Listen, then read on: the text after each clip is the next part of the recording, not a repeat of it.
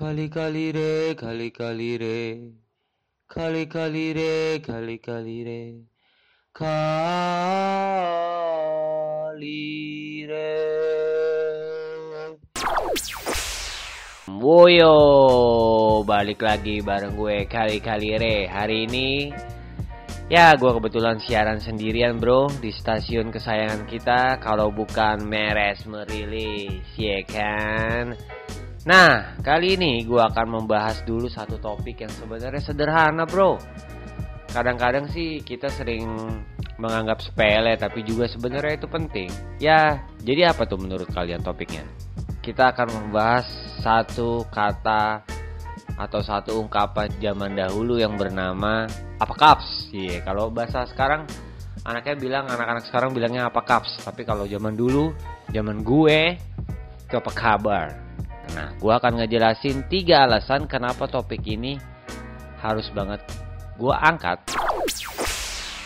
Hai guys, kali-kali Re mau kasih tahu sesuatu nih.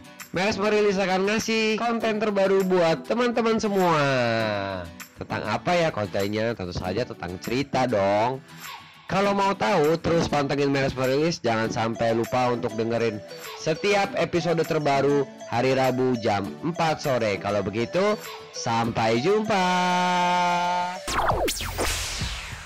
Oke, alasan pertama kenapa gua ngangkat uh, topik apa kabar ini adalah karena pada zaman gue dulu tuh ya gue boleh bilang waktu zaman gue SMP lah lagi zamannya sering-sering nongkrong tuh apa kabar tuh? Atau kalimat ungkapan sapaan tuh penting banget gitu. Ibaratnya kalau dulu nggak ngomong apa kabar atau kalimat ungkapan yang lain tuh kata senior atau abang-abangan nggak sopan gitu. Karena kita tidak menghargai orang yang lagi nongkrong atau orang yang ada di tempat kita biasa nongkrong.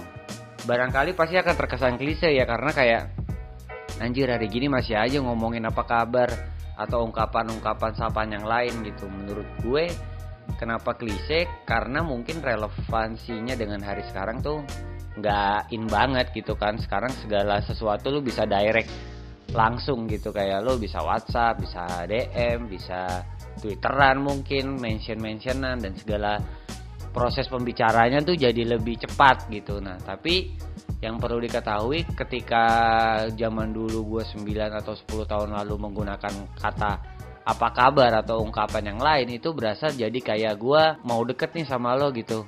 Kalau orang bule kan sering bilang wah how's your day itu kan kayak kayak semacam itulah itu jadi kayak mereka menganggapnya oh lu uh, ini ya lu perhatian ya sama gue jadi budaya timurnya tuh berasa kalau sebenarnya orang Indonesia tuh emang ramah gitu tanpa ada ibaratnya lu baru kenal di suatu tempat dan lu main di situ tujuan lo baik kalau dia ngeliat itu semua dan percakapan obrolan kopi atau obrolan nggak penting tuh jadi jadi lebih ngalir gitu. Bukan bukan lu yang terpaksa dibuat-buat karena lu pengen ada sesuatu sama dia gitu. Tapi emang impresi itu yang akhirnya tercermin dalam satu kata yaitu ramah gitu. Cuma mungkin akan timbul kiasan-kiasan yang bilang kalau bahwasannya orang ngomongin kata apa caps atau ekspresi yang ramah tuh kadang fake gitu. Ya, gue sih bodoh amat ya maksudnya yang penting gue datang ke tempat itu atau gue menggunakan kalimat sapaan atau menggunakan kata apa kabar itu ya karena emang gue mau ngomongin itu nggak ada tendensi apa-apa dan ketika dia meng um, memberikan ekspresi baliknya ternyata itu ramahnya ramah palsu itu kan urusan dia. Urusan gue adalah ya gue mau uh, ketika gue berada di tempat mana pun mereka tidak memandang gue gimana dan gue tidak memandang mereka gimana. Artinya gue pengen semuanya berjalan lancar aja lah. Hai guys, kali-kali Re mau kasih tahu sesuatu nih. Meres merilis akan ngasih konten terbaru buat teman-teman semua. Tentang apa ya kontennya? Tentu saja tentang cerita dong. Kalau mau tahu, terus pantengin Meres Merilis. Jangan sampai lupa untuk dengerin setiap episode terbaru hari Rabu jam 4 sore. Kalau begitu, sampai jumpa. Dan poin keduanya adalah apa kabar itu adalah salah satu ekspresi atau ungkapan bahwa kita peduli sama seseorang yang kita ajak bicara. apa kabar tuh bisa menjadi pembuka sebuah percakapan yang intim gitu. Artinya apa kabar itu bukan cuma ungkapan atau bukan cuma e, basa-basi doang, tapi itu adalah sebuah ibaratnya sebuah pintu kecil yang, yang ketika kita masukin kuncinya pas kita buka, wah ternyata nih orang punya banyak cerita gitu kan asiknya gitu loh. Kalau kita biasa ngobrol sama orang baru kita biasa nongkrong di tempat baru dan kita biasa ngomong sopan gitu artinya orang itu akan ketika kita ngobrol pelan-pelan dia akan membuka dirinya dia akan ceritain apa yang nggak pernah orang lain dengar atau mungkin hal-hal yang orang lain butuh waktu 3-4 bulan kita butuhnya cuma dua jam gitu. Ketika kita meluangkan waktu secara apa ya secara baik gitu artinya kan itu dia Kenapa jadi pertemanannya bukan hubungan transaksional atau seperti hubungan badan? Kalau kita bisa bilang kan hubungan sekarang tuh kayak ah gue mau temenan sama dia karena dia punya link bagus, ah gue mau temenan sama dia karena dia punya punya punya punya gitu. Tapi gue nggak pernah lihat ada orang berteman tuh karena emang wah gue tertarik ya berteman sama lu karena lu tuh orangnya asik aja gitu. Ibaratnya kalau dari asik itu apakah nanti tiba-tiba berpeluang menjadi pekerjaan kah atau menjadi pacar lu kah atau menjadi kolega atau akhirnya berubah jadi karya itu urusan nanti.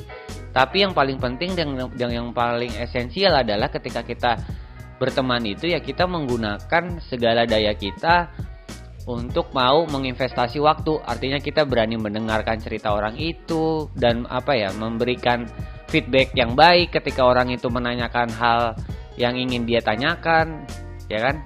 ataupun kita tidak perlu men memberikan ekspresi apa pun mungkin orang itu cuma mau didengar dan itu yang akhirnya membuat pertemanan kita tuh jadi tulus Hai guys, kali-kali Re mau kasih tahu sesuatu nih. Meres merilis akan ngasih konten terbaru buat teman-teman semua. Tentang apa ya kontennya? Tentu saja tentang cerita dong. Kalau mau tahu, terus pantengin Meres merilis. Jangan sampai lupa untuk dengerin setiap episode terbaru hari Rabu jam 4 sore. Kalau begitu, sampai jumpa.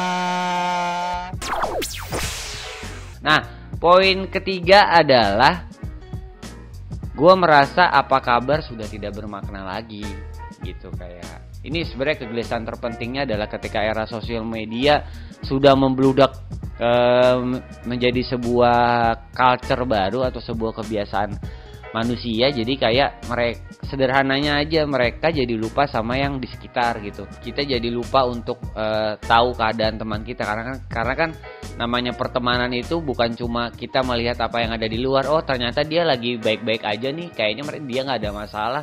Buktinya uh, bajunya tetap bisa ganti baru. Celananya masih tetap bisa ganti baru rambutnya tetap bisa tipe yang up to date. Bukan itu sebenarnya. Kalau kita memulai dari kata yang tadi seperti poin 2 gue jabarin adalah ketika kita memulai dengan kata sapaan apa kabar dan itu terjadi sebuah obrolan pada akhirnya kita akan tahu oh ternyata keadaannya dia lagi nggak baik-baik aja nih. Itu kan itu akhirnya tingkat pertemanan kita sudah sampai ke dalam. Tapi sebenarnya uh, tidak bisa juga menyalahkan gue menyalahkan secara spesifik adanya kebiasaan baru atau culture baru ketika manusia memang menjadi manusia yang serba cepat maunya straight to the point itu juga nggak bisa disalahkan karena dunia zaman sekarang memang menuntut manusia untuk uh, dinamis gitu. Nggak bisa manusia zaman sekarang tuh cuma ngerjain satu pekerjaan tuh nggak bisa. Pasti mereka akan mengerjakan banyak hal. Jadi akhirnya kegiatan manusia bergerak dalam satu waktu tuh bisa mengerjakan 4 sampai 5 hal yang akhirnya investasi waktunya adalah gue melakukan ini supaya bisa melakukan hal yang lain. Kenapa? Isu mental health belakangan ini sudah mulai apa ya sudah mulai naik karena memang manusia tuh melewati berbagai fase yang mereka tidak sadari memaksa mereka untuk selalu ngepus dirinya ayo lu harus bisa lu harus bisa lu harus bisa sampai akhirnya lupa untuk uh, istirahat sejenak. Nah ketika seseorang su sudah lupa istirahat sejenak mentalnya akan breakdown gitu. Dan ketika dia tidak bisa menceritakan hal itu ke orang di sekitarnya mereka dia akan mengalami yang katanya isu mental health. Dan kenapa banyak akhirnya orang-orang yang bilang gue kayaknya mental breakdown nih. Nah itu karena lupa gitu lupa untuk bercerita gitu. Ada kalanya kita perlu step back sebentar duduk uh, melihat keadaan sekitar ngobrol se selepas mungkin gitu supaya beban-beban yang ada di dalam kepala, di dalam hati, segalanya tuh keluar gitu. Itulah fungsi pertemanan yang sebenarnya yang paling esensial. Bukan cuma kita berteman karena gue tahu oh dia dia terkenal nih, dia punya banyak link nih. Uh, dia punya barang-barang branded nih siapa tahu gue main sama dia dilempar barang brandednya ke gue gitu bukan itu sebarang branded brandednya seharga mahal-mahalnya 20 sampai 30 juta pun kalau mental seseorang udah breakdown dia pasti akan butuh teman. Dan dia butuh teman yang benar-benar teman bukan bukan teman yang cuma numpang lewat. Artinya ah gue temenan sama dia ya, seperti tadi gue ulang-ulang berjuta-juta kali. Ya karena gue pengen dapat followers banyak aja. Nah kalau kayak gitu mah mendingan kayak lu cinta Luna aja bikin sensasi bikin sensasi akhirnya followersnya berjuta-juta. Tapi lo nggak akan punya temen yang bener-bener temen yang artinya sesederhananya kalau kata orang zaman dulu lo lagi susah lo lagi seneng gue ada buat lo gitu itu kan itu apa ya? itu ekspresi yang sederhana dan itu yang gue pegang gitu. ini deh kesimpulannya hidup di zaman sekarang itu udah serba nggak balance jadi buat balance nya biasain untuk duduk sebentar lihat keadaan sekitar dan tanya temen lo yang ada di samping lo tuh kabarnya gimana nah jadi gue rasa cukup sekian dulu dan gue rasa semoga perbincangan tentang topik pertemanan ini bisa jadi apa ya? Bisa jadi topik yang asik lah. Dan terima kasih juga buat yang udah dengerin podcast gua kali ini siaran sendirian di Meres Merilis. Oke, dan gua rasa sampai jumpa di episode terbaru. Mudah-mudahan bisa sama temen gue. Dan sampai jumpa minggu depan. Ciao. Terima kasih sudah mendengarkan kali-kali resiaran di Meres Merilis. Kalau begitu, sampai jumpa minggu depan.